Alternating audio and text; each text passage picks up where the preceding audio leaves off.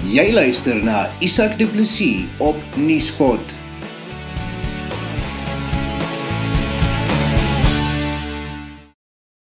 Goeiemôre, welkom by Nuusbril. Dis Nuuspot se weeklikse nuusbesprekingsprogram en ons gaste vanoggend is die burgemeester van Modimolle Mokgopong munisipaliteit, uh, Marlene van Staden. Ons het ook vir professor Johan Heiselje aan Noordwes Universiteit by ons en Dr Lila Groenewald wat vanoggend saamgesels oor die week se nuus. Das heelwat voorblad nuus vanoggend wat weer met BLM te doen het en die sulke goed. Ons kan ook vinnig eers in die program daarna verwys aangesien dit in die nuus is, maar ons het dit die laaste tyd so baie bespreek, so daar is ander sake wat ek vanoggend met julle wil bespreek. Lida, ek wil met jou wegval uh, en dit gaan oor die kwessie van maatskaplike toelaas. Daar's groot probleme daar. Uh Lila, Ja, uh Isak daar's baie probleme. So ek dink ehm um, ons moet kyk na die werkloosheidssyfer in Suid-Afrika oor die afgelope paar dekades en ons het 'n gemiddelde werksyfer oor daai tyd gehad van 25.8% met ehm um, 'n laagtepunt in die vroeë 2000s, ag 'n 'n hoogtepunt in die vroeë 2000s en 'n laagtepunt net voor die ekonomiese krisis van 2009, maar gemiddeld kom dit uit op 25.8%. So ek dink as mense nou vrees dat COVID-19 ons kan dompel in 'n situasie soos die Groot Depressie. Dis iets wat 'n mens hoor mense speel met daai idee. Dit is 'n verkeerde gedagte. Uh ons het natuurlik baie minder ehm um, data gehad in die tyd van die Groot Depressie as vandag, maar die kenners, die ekonome en die geskiedkundiges wat kyk na die Groot Depressie, uh skat die werkloosheidssyfer van die Groot Depressie in die omgewing van 26%. So die die harde waarheid is dat ons is in 'n groot depressie voor ons nog begin met die probleme wat COVID-19 bo-op laai.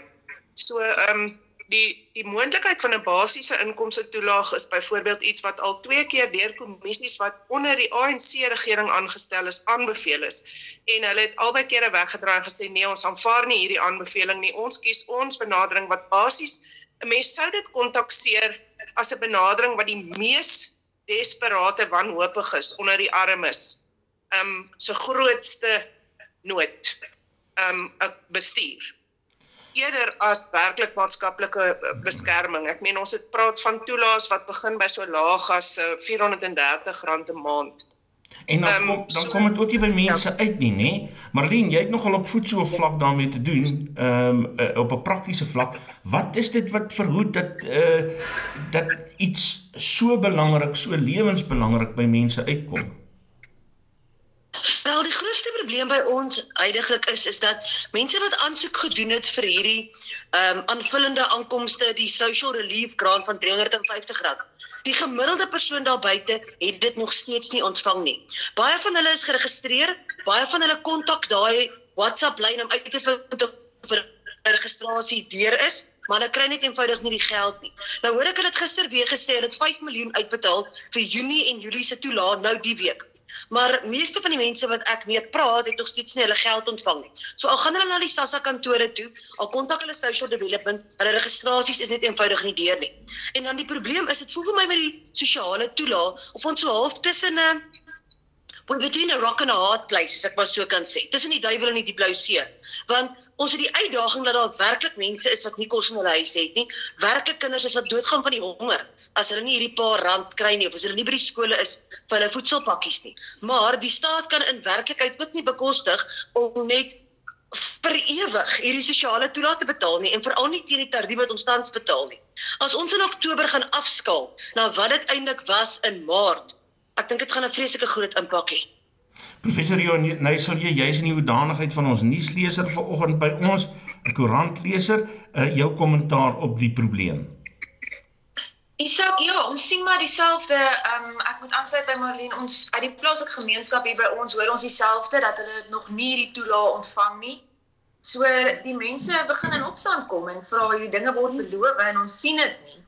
Ehm um, so dit is ja, die probleem is besig om te eskaleer in 'n gemeenskap wat negatief raak in nood is en dis presies wat jy sê daai daai nood word nie aan voorsien deur dit wat beloof word van ons regering nie.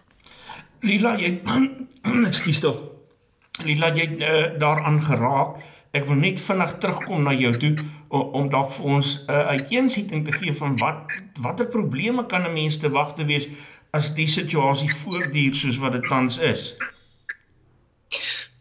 Uh nou Isak dit vra 'n bietjie vir 'n kristalbal maar ek meen ons het elders in Afrika gesien hoe raak mense moeg vir regerings wat nie kyk na die ware werklike probleme nie, so die Arabiese lente en so aan.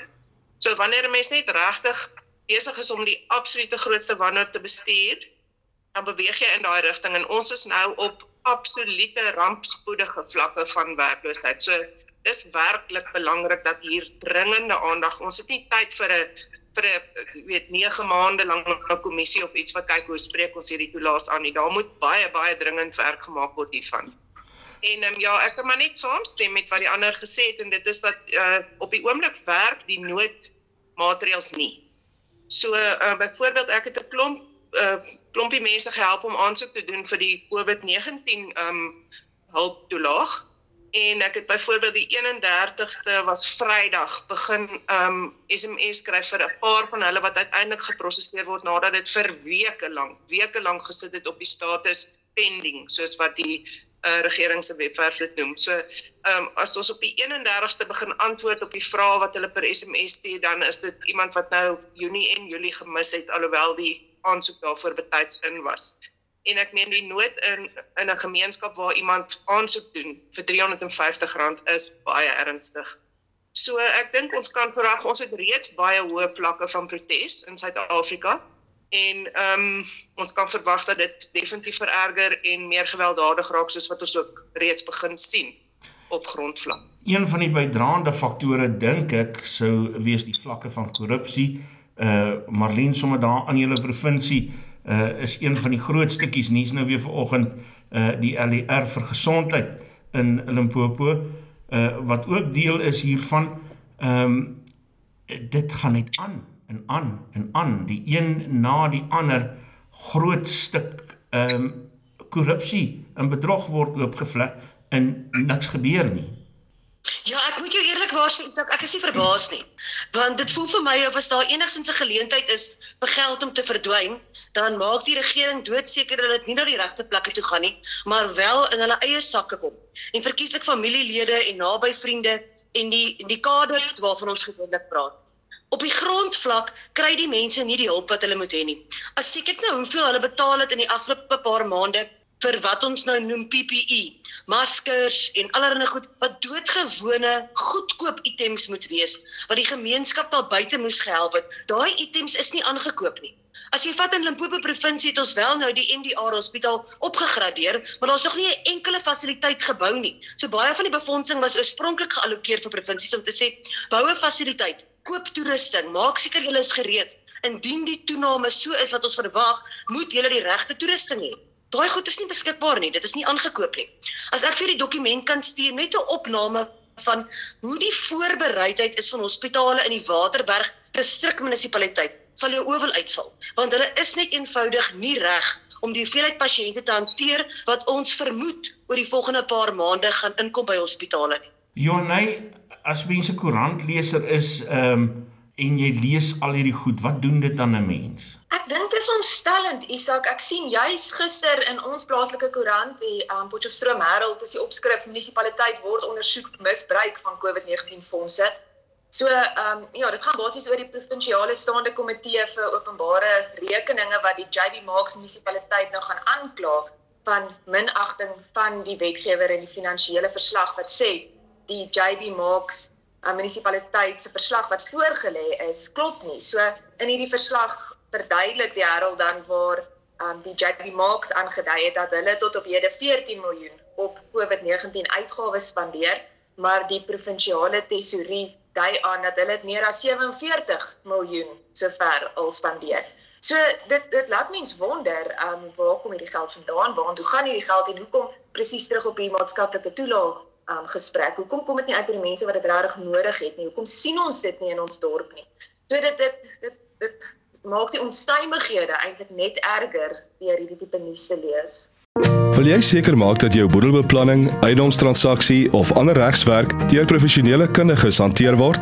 Hurterspies Prokureurs beskik oor uitstekende kundigheid wat die opstel van testamente en die hantering van boedels betref. Hurterspies Prokureurs het ook bekendheid verwerf vir hulle sukses met litigasie oor jou burgerregte. Kliënte se unieke behoeftes word deeglik deur kundiges op elke terrein hanteer. Skakel Hurterspies Prokureurs vandag nog vir 'n konsultasie by 012 941 9239 of stuur 'n e-pos aan admin@hurterspies.co.za. Dis 012 941 9239. Nuuspot, jou tuiste vir Afrikaanse stories agter die nuus. Ek dink Lila een van die vrae wat mense ook vra is eh, maar hoe kry hulle dit reg? Hoe hoe is dit moontlik dat uh, jy 'n president het gesê maar hulle gaan iets aan korrupsie doen? Uh allerlei kommissies aanstel, maar dis asof dit net hand oor hand toeneem by die dag al hoe erger. Waar lê die probleem, Lila? Sjoe, Isak, ek dink die mens kan sê daar's net een probleem nie. En en ek dink dit sal verkeerd wees om te sê daar's 'n sekere groep in die land wat nie kan regeer nie. En 'n groep te takseer as het nie die vermoë om te regeer nie, maar wanneer korrupsie oor 'n periode toegelaat is om so sterk wortel te skiet uh deur al die sisteme van die staat, dan raak dit werklik moeilik om te weet waar. Ek meen om te sê ons moet die kop afkap, dit sluit ook in om om ontslae te raak van bekwame mense in die instellings en om aan die onderkant te begin en en soort van um klein uh, uh geleenthede van korrupsie aan te spreek dit dit gaan nie die wortel daarvan uitroei nie. So dis 'n baie baie ernstige probleem. Dis 'n lang proses en 'n mens kan vooraf seker wees dat die wat baat by korrupsie gaan alles in hulle vermoë doen om die proses te keer. En ek dink um weet hulle sê baie keer dat kwaad van die kop af groei en ek dink dat ons ongelukkig in Suid-Afrika so so swak voorbeeld gehad het dat uh dit, dit word uh geïntegreer deur die hele samelewing. So jy weet mense vertel baie maklik byvoorbeeld in uh as mense sosiaal bymekaar kom wanneer wanneer ons dit kon doen, um as hulle 'n verkeersoortreding begaan dat dit nie 'n probleem is om slae te raak van die van die verkeersbeampte nie en so aan. So ons as gewone mense, as die burgerlike samelewing het regtig 'n sterk verantwoordelikheid om nie daai voorbeeld na te volg nie en self in die manier wat elkeen van ons ons gedra in ons persoonlike lewe 'n voorbeeld te stel van hoe ons nie korrupsie aanvaar nie. Vat maar eerder die boete wat jou kant toe kom en gee die persoon aan wat jou aangemoedig het om daai goedkoop manier te kry om om uit die moeilikheid uit te kom. Ehm um, maar ek dink ook dit is nogal baie verwoestend. Dit is regtig 'n slag vir die uh Ramaphosa presidentskap dat hierdie korrupsie nou klaarblyklik tot so ver as in sy eie kantoor loop. En ek dink dit is goed dat ons so sterk reaksie sien, maar natuurlik is van die sisteme en stelsels en instellings wat spesifiek uh daardie uh idee van checks and balances om seker te maak dat sulke dinge nie fout gaan in die staat nie, is stelselmatig verswak oor die afgelope 2 dekades.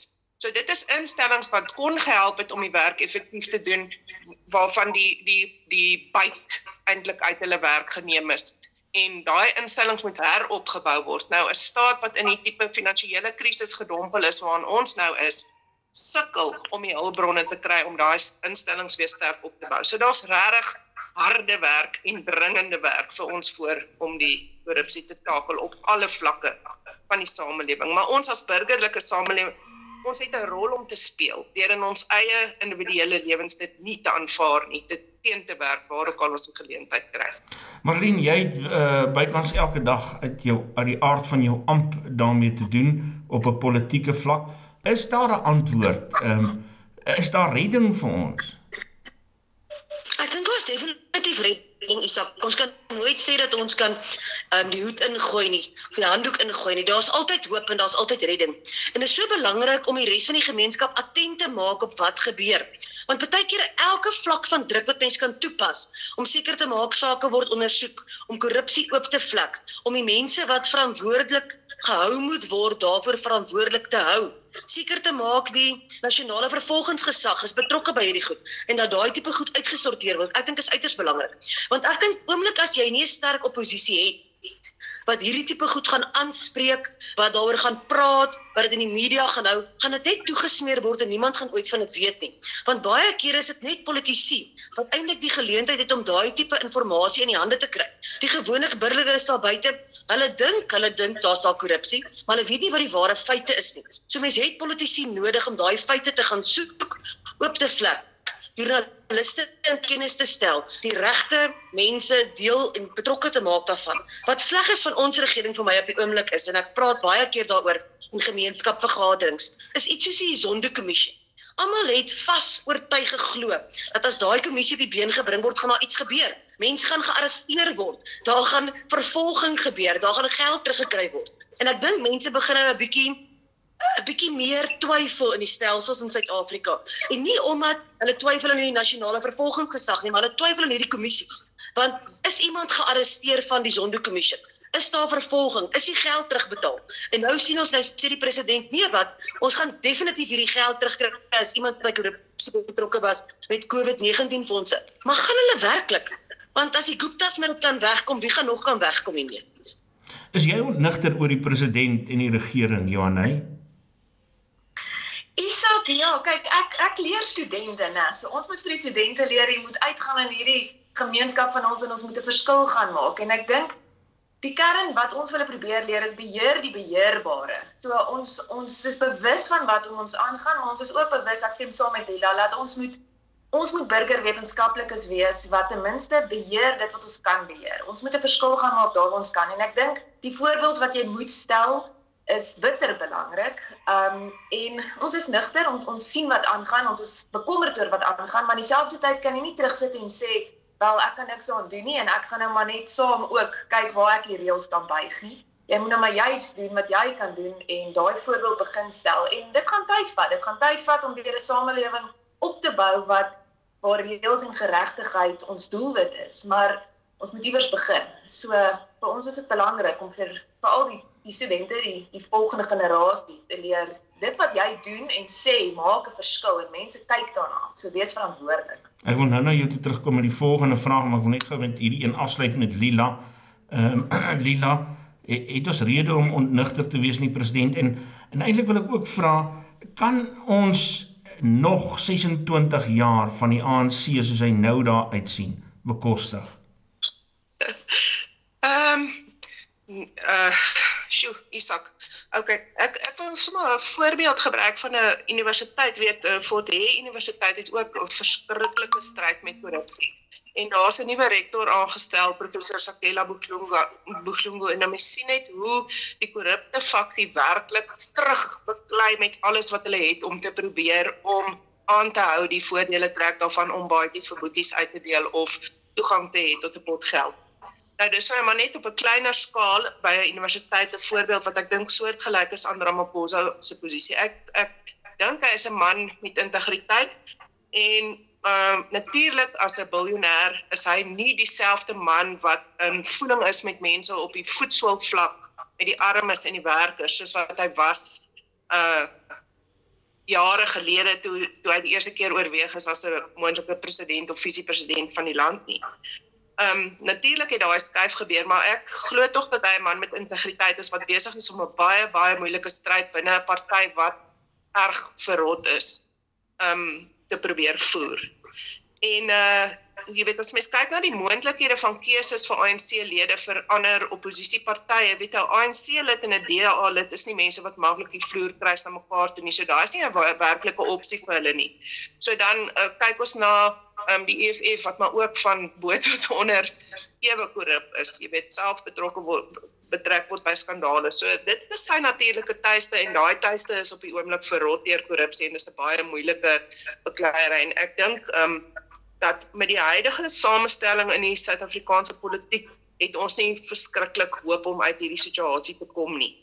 Ehm um, ons het ons het nie uh jy weet uitstekende opsies vir 'n nuwe meerderheid party wat ehm um, waar op die land populêr kan inkoop en wat hierdie ding regtig vorentoe kan skuif nie.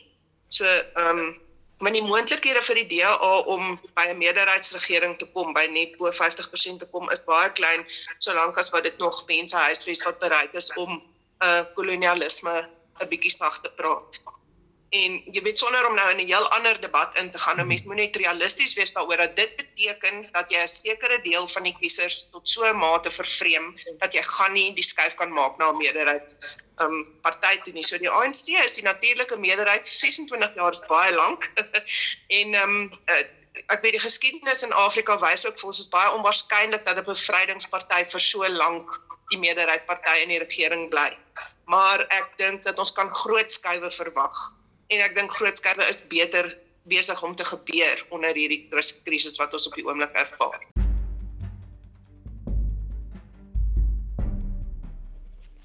Daar volg gewoonlik 'n maatskaplike krisis op 'n ekonomiese krisis. Die gemeenskap moet daarom seker maak dat alles in plek is om mekaar te kan help in tye van nood. Helpende Hand as maatskaplike organisasie fokus veral op die verligting, verbreeking en die voorkoming van Afrikaner armoede om 'n toeganklike en 'n maklike bydrae te kan maak vir enige iemand wat in staat is om te kan help, het Helpende Hand se Houers vol Hoop projek bekend gestel. Elke houer bevat R350 se nie bederfbare goedere wat vir gesinne in nood uitgedeel word. Helpende Hand glo in beginsel daaraan om reg te gee. Ons kyk mooi wat die gesin nodig het en bereken dit reg om te sien wat vir hulle kan deurtrek deur 'n moeilike tyd. Om 'n houer vol hoop te gee, aan 'n behoeftige gesin, besoek gerus www.houersvolhoop.co.za of stuur 'n e-pos aan diens@helpenhand.co.za. Wie is jy die houer vol hoop vir iemand wat honger gaan slaap elke aand?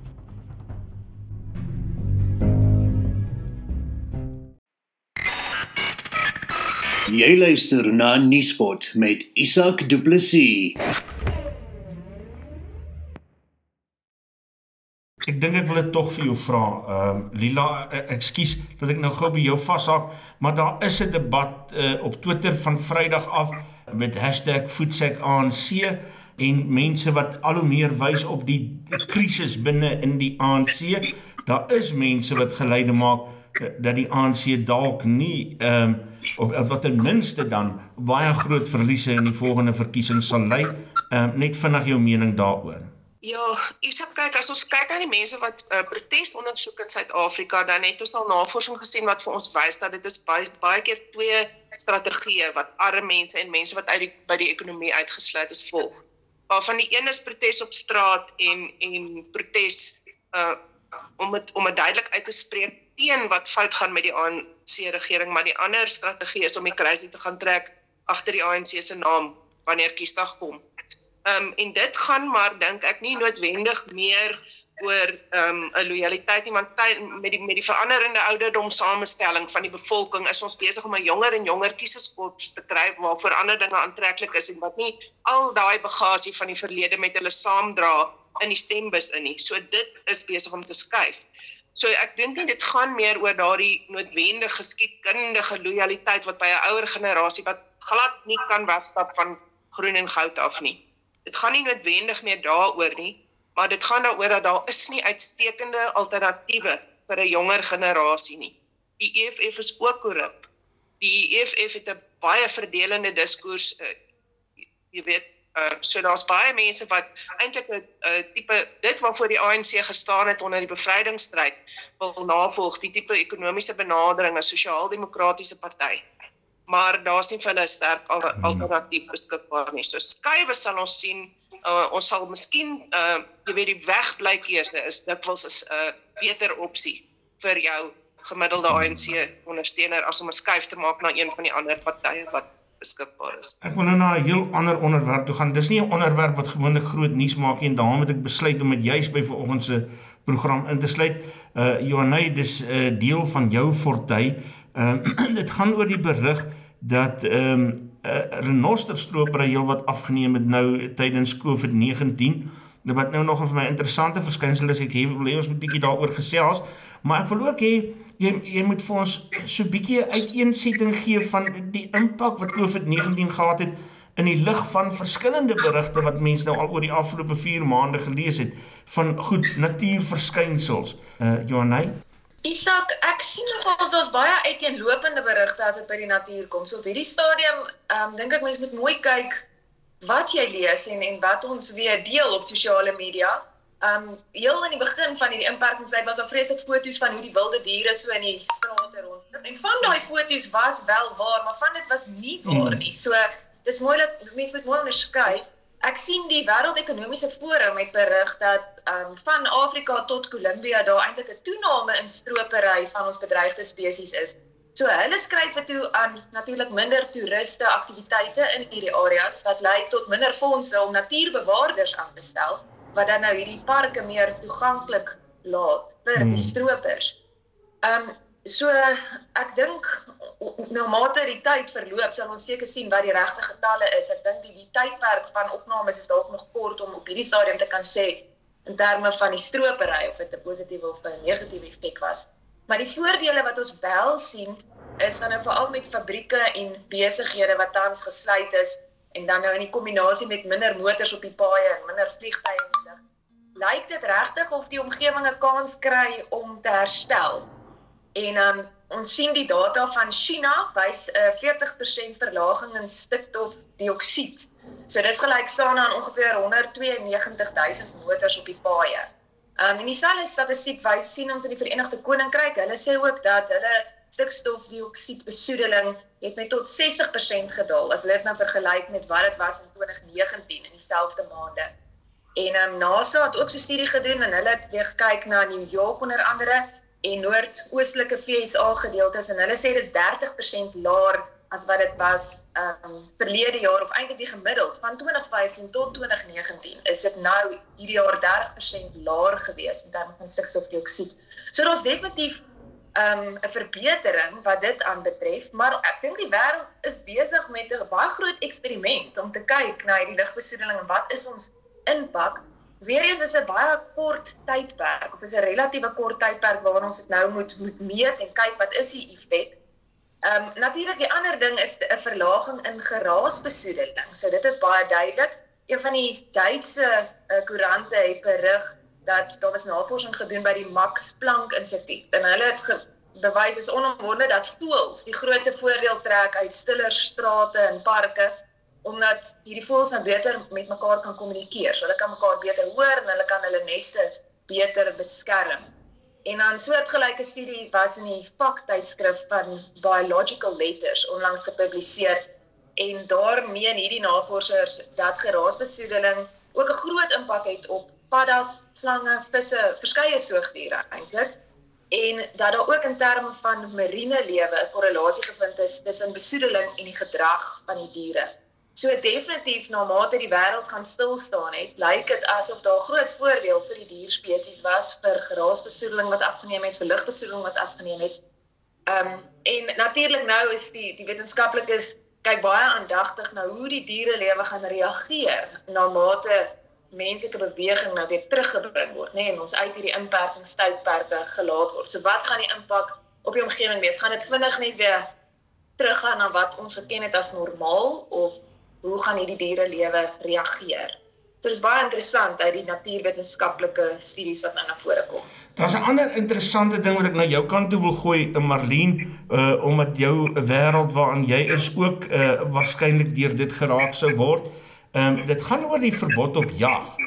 Nou hier in ehm um, in Warrenton waar ek op die oomblik is, het ek met 'n boer gesels. Ehm um, en en een van die groot probleme met die met met die tekort dan nou aan jagters wat hulle gehad het, is ehm um, die aanteel van die bokke. Uh want daar's nou daar's nou nie meer 'n manier om hulle getalle in beheer te hou nie. As jy dit dan nou doen, dan sit jy met 'n hengse klomp bokke wat jy geskiet het, maar nêrens het om heen te gaan nie. So dit dit het die ouens op 'n manier baie hard getref. Hulle moet nou teen 'n verwoede pas slag en dit so goedkoop as moontlik uh, van die hand sit um, om dit net in kontant om te sit. Ja, ek dink die jag het 'n baie groot uitdaging by ons gewees. Oorspronklik wat gebeur het was is die jag heeltemal gesluit en toe die jag weer oopmaak en mense oor provinsies mag begin reis om te jag het daar 'n verskriklike toename in jagters veral van die Gauteng provinsie af deur gekom Limpopo toe. En dit het werklik gehelp om seker te maak een dat werkloosheid in ons omgewing verlaag het, want baie van die mense was gelaat gaan en het op plase gesit en uh, wag in die, in die lokasies, hulle kon nie werk nie. En daai mense was toe teruggebring na die plase toe. So dit het baie gehelp. Dit help ook met die plaaslike ekonomie baie. Jy weet jagters koop by die plaaslike spar, hulle eet 'n broodjie by die plaaslike restaurant, hulle gooi diesel in by die plaaslike garage. So dit help wel baie vir die stimulasie van die plaaslike ekonomie. Maar jag help ook om seker te maak dat boere geld investeer in bewaring. Want as jy nie geld het om jou plaas aan die gang te hou nie, dan spandeer jy ook geen geld aan bewaring nie. So die feit dat die jagbedryf nou weer gedeeltelik gesluit is, dink ek is vir boere 'n baie baie groot uitdaging. Want dit beteken die paar rand wat hy nou gemaak het van die paar maande wat die jag oop was, moet hy nou gebruik om eerstens voer te koop Hy moet dalk bokke doodskiet wat hy per kilo verkoop. Ek weet die huidige prys is R18 per kilo vir wildsvleis. So as jy nou dink wat slag 'n rooibok uit, as jy hom teen R18 per kilo verkoop vir vleisprys, kry jy maar basies R550, R600 vir daai rooibok wat jy die hele jaar op jou plaas geonderhou het. So dit beteken dat die boere nie meer soveel aandag en geld spandeer aan bewaring as wat hulle voorheen gedoen het nie. Die feit dat ons geen, maar geen internasionale jagters vir die jaar gehad het dink ek het 'n ongelooflike groot ekonomiese impak gehad op ons omgewing. Ek kan nie vir julle sê in randwaarde moet dit absoluut miljoene rande wees wat gewoonlik jaarliks hierdeur internasionale jagters geïnvesteer word waarvan ons nou nie 1 sent kry nie. En 'n groot gedeelte van daai internasionale jagters se geld gaan vir bewaring van renosters, van olifante, van leeu's, van skaarse kleiner spesies soos luiperds. Dit gaan ook in navorsingsprojekte. Tans is FASA besig met 'n baie groot navorsingsprojek um, oor luiperds in die waterberge. Al daai goed word befonds deur jagters. So oomblik as die jagters nie meer geld het nie, kan selfs daai navorsingsprojekte nie meer plaasvind nie. Verkeersboetes behels meer as 'n klein ongerief met minimale gevolge. Jy kan 'n kriminele rekord kry of probleme teekom as jy jou rybewys of motorlisensie hernie en die metropolisie kan jou by padplakkades lastigval om die boetes te betaal. Fines for you vir minder moeite met verkeersboetes deur hul te monitor en vinnig, wettelik en effektief af te handel sodat jy nie die ongewenste gevolge hoef te dra nie. Ons spesialiseer in groot vlote en streef daarna om jou geld te bespaar. Kontak ons gerus op 011 867 7331 of besoek ons webtuiste by www.finds4u.co.za. Jy luister na Nuuspot. 'n Ander aspek wat hierby aansluit is uh die van vuurwapens. Ek wil dit by jou bly Marlene en en dit gaan oor die uh, hofbeslissing uh wat basies 'n klomp vuurwapen eienaars nou onwettige eienaars maak en dan nou die amnestie tydperk wat nou ook uh, bygesit is. 'n bietjie kommentaar daaroor asseblief. Ja, ek moet jou sê ek is vreeslik dankbaar dat die amnestieperiode uitgestel is. Dis nou verskuif na 31 Januarie 2021 en ek wil regtig mense aanmoedig om daai amnestieperiode te gebruik want daar is vreeslik baie mense wat of se lisensie nou afgekeur is want daar was 'n verwarring tussen wanneer presies moet jy weer aansoek doen vir jou lisensie en of geld jou ou lisensiekaartjie of moet jy 'n nuwe kaartjie kry so baie mense was totaal verward en dit gebeur ook baie keer met wanneer mens wapens uit 'n boedel uiterf wat baie gereeld gebeur in ons omgewing die oupa of die pa gaan dood die kinders of die seuns of die kleinseuns erf die wapens en niemand weet eintlik wanneer om iets met die wapens te doen nie. Dit lê by die eksekuteur van die boedel, maar dis nie noodwendig 'n veilige bewaring nie. En daai wapens is werklik onwettig. So die mense met die amnestieperiodes gebruik om seker te maak dat jy jou wapen gelisensieer kry en dat jy 'n wettige bewaringsplek het van waar jou wapens kan wees. Wat hulle baie keer nie verstaan nie, is amnestie beteken nie noodwendig dat jou wapen ingedien moet word nie. Want baie mense verwar dit met amnestie beteken jy moet onmiddellik jou wapens neem en gaan inhandig by die polisiestasie.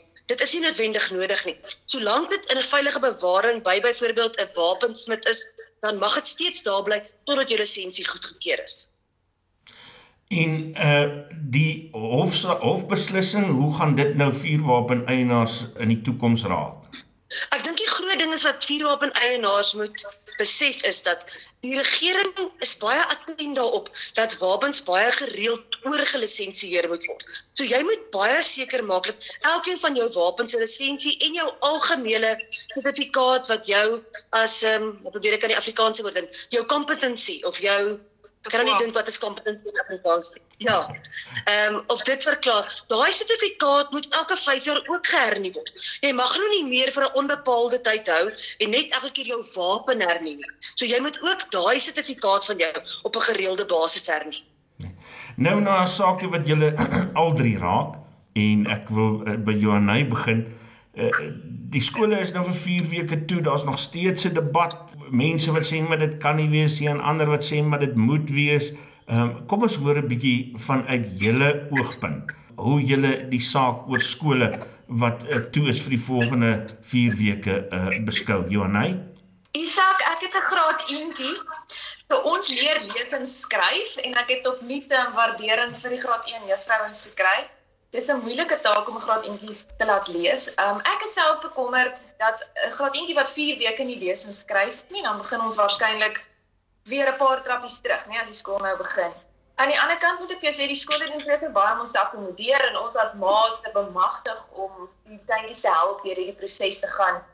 Um as ek as ek meer in my dosent toedanigheid moet, moet antwoord dan ek besef hierdie is nie net afstandsonderrig nie, nê. Nee, hierdie is leer tydens 'n pandemie. So daar's soveel ander dinge wat nou 'n rol speel en ons besef dat welstand van mense, van ouers, van kinders, daai welstand is baie belangrik nou. So alhoewel dit baie uitdagend is om 'n kleintjie nou te leer lees en skryf, is ek baie dankbaar dat ek wel hier by die huis in veilige omstandighede met my kind kan tyd spandeer en ek seker ons praat van ons het luukse probleme, nê? Dis dis 'n luukse probleem om om in 'n veilige omgewing met jou kind te kan werk.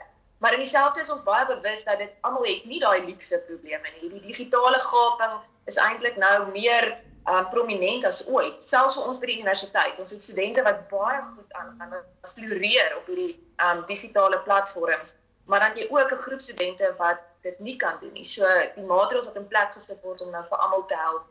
Um, so dis dis vreeslik uitdagend, maar ek dink ek dink almal sal konsensus hê dat die welstand kom eerste en daarna probeer ons kyk tot watter mate ons die leer en die onderrig leer ook um, op dieselfde vlak kan probeer toepas en akkommodeer.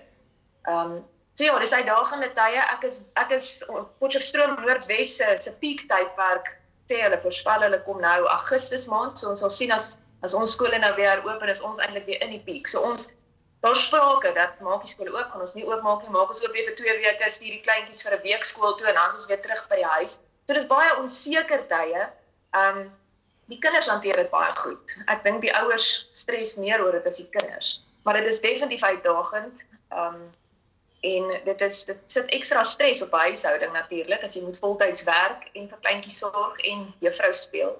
So dit is dis moeilike tye. Um en ek dink daar's baie addisionele stres op huisgesinne, veral met klein kindertjies wat nog afhanklik is van 'n juffrou om hulle te leer. Lila, jou gedagtes daaroor? Ja, uh Isak as 'n ma hou ek my hart vas die hele dag lank om 'n kind in hierdie pandemie skool toe te stuur. Maar uh 'n mens moet dit maar doen. Jy moet maar jou hand vashou. Ek dink dit is baie moeilike besluite en daar's data wat in alle rigtings trek en daar's drukgroepe wat in alle rigtings trek en ek het baie begrip daarvoor. Maar ek dink dit is ongeveer die mins ideale situasie om te heen en weer met besluite oor wat met skole moet gebeur um, um kinders oorhaastig terug te stuur en dan weer 'n maand weg te vat en so aan. So ehm um, jy weet dit is uh ja, dit uh, Okay, jy het nou gevra ons moet antwoord uit ons eie ervaring. Mm. Maar 'n uh, luxe ervaring alleen is nie goed genoeg om net te dink aan wat is my ervaring. Dit is regtig belangrik dat ons dink wat is besig om in die land te gebeur en dit lig 'n klomp ongelykheid en 'n klomp probleme uit wat lank al moes aangespreek geword het. So as daar wifi was in ons gemeenskappe, dan was dit soveel makliker om mense te ondersteun met inligting oor die pandemie om uit te vind waar daar probleme en om te help om minder ongelykheid te hê in die ervaring van leer, veral op laerskoolvlak um tydens hierdie pandemie. So dit is dinge wat moet aangespreek word ook dringend. Jy weet uh, ons ek meen dit is net laf om te praat van 'n vierde bedryfsrevolusie as ons nog nie eers op 'n treinstasie kan sê hoe laat kom die volgende volgende trein op 'n bord nie. As ons as daar hele gemeenskappe is by wie ons glad nie kan uitkom met Wi-Fi om vir hulle noodinligting tydens 'n pandemie te gee of hulle by te staan um met die onderrig van kinders nie. Dit is dis vir my verskriklik dat die kinders uit die skool is. Um die eerste vlak waarop dit regtig verskriklik is is kinders wat afgesny is van voedingsprogramme en daar het die hof weer die regering in die bek geruk en gesê dit dit kan nie so werk nie. Ehm um, maar op die vlak van leer ook, ek meen om 'n graad 1 kind of 'n graad R kind uit te pluk uit die grondslagfase, dit is dit is lewenslange ehm um, gevolge wat dit kan hê. Dit is 'n uiters belangrike uh, uh, fase vir leerontwikkeling en dit is ook hoekom ons sukkel as ma's Uh ons is nie opgeleide onderwyseresse nie. Dis 'n heel ander rotine. Die kinders is ook angstig oor die pandemie. So die skool is 'n plek waar daar struktuur is, waar daar meer vermoë is om veiligheid in plek te stel en um jy weet as ons werkende uh openbare vervoer gehad het, dan was dit ook makliker om te sê kom ons doen dit vir almal. Maar dit dis groot gapings wat in plek moes gewees het en dit help nie om te sê as nie. Maar die benadering om kinders by die huis te los is my regtig problematies en dit vat 'n klomp steen wat kinders nodig het en wat arm kinders baie nodig het. Met ander woorde, die meerderheid van kinders baie meer nodig het as kinders uit middelklas of ryk huise. Dit vat 'n klomp van daai steen weg.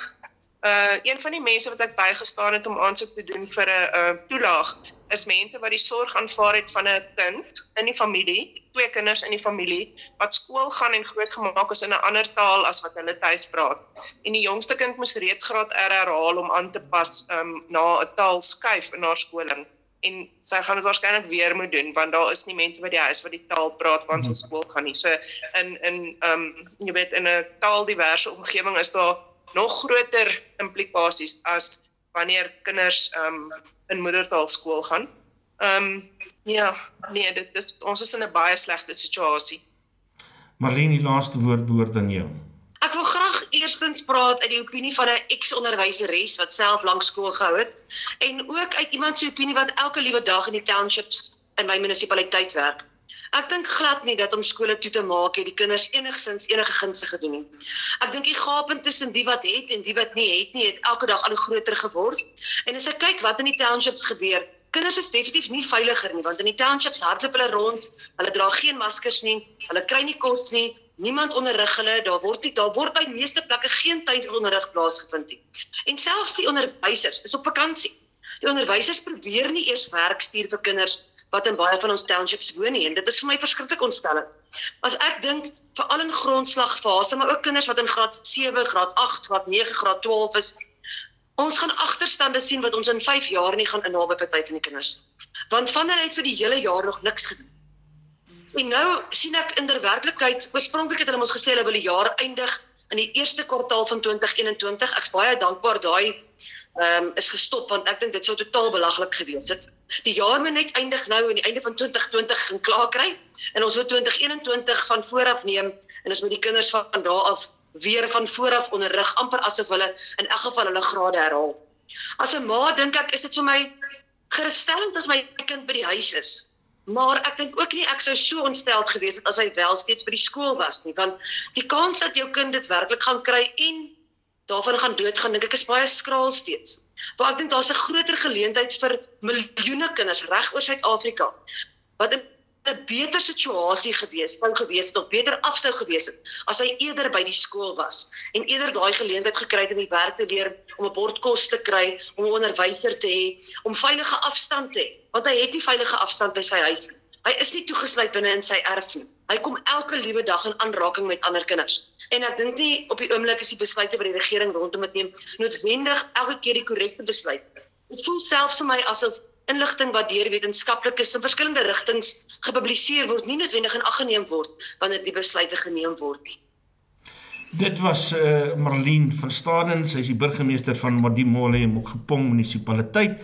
Ons het ook gepraat met professor Johannes Lee aan Noordwes Universiteit en Dr Lila Groenewald. Baie dankie dat julle aan 'n nuusbril deelgeneem het. My naam is Isak Du Plessis. Ek gesels weer met julle by die volgende uitgawe van Nuusbril. Adverteer nou op Nuuspot. Besoek nuuspot.co.za vir bekostigbare advertensietariewe.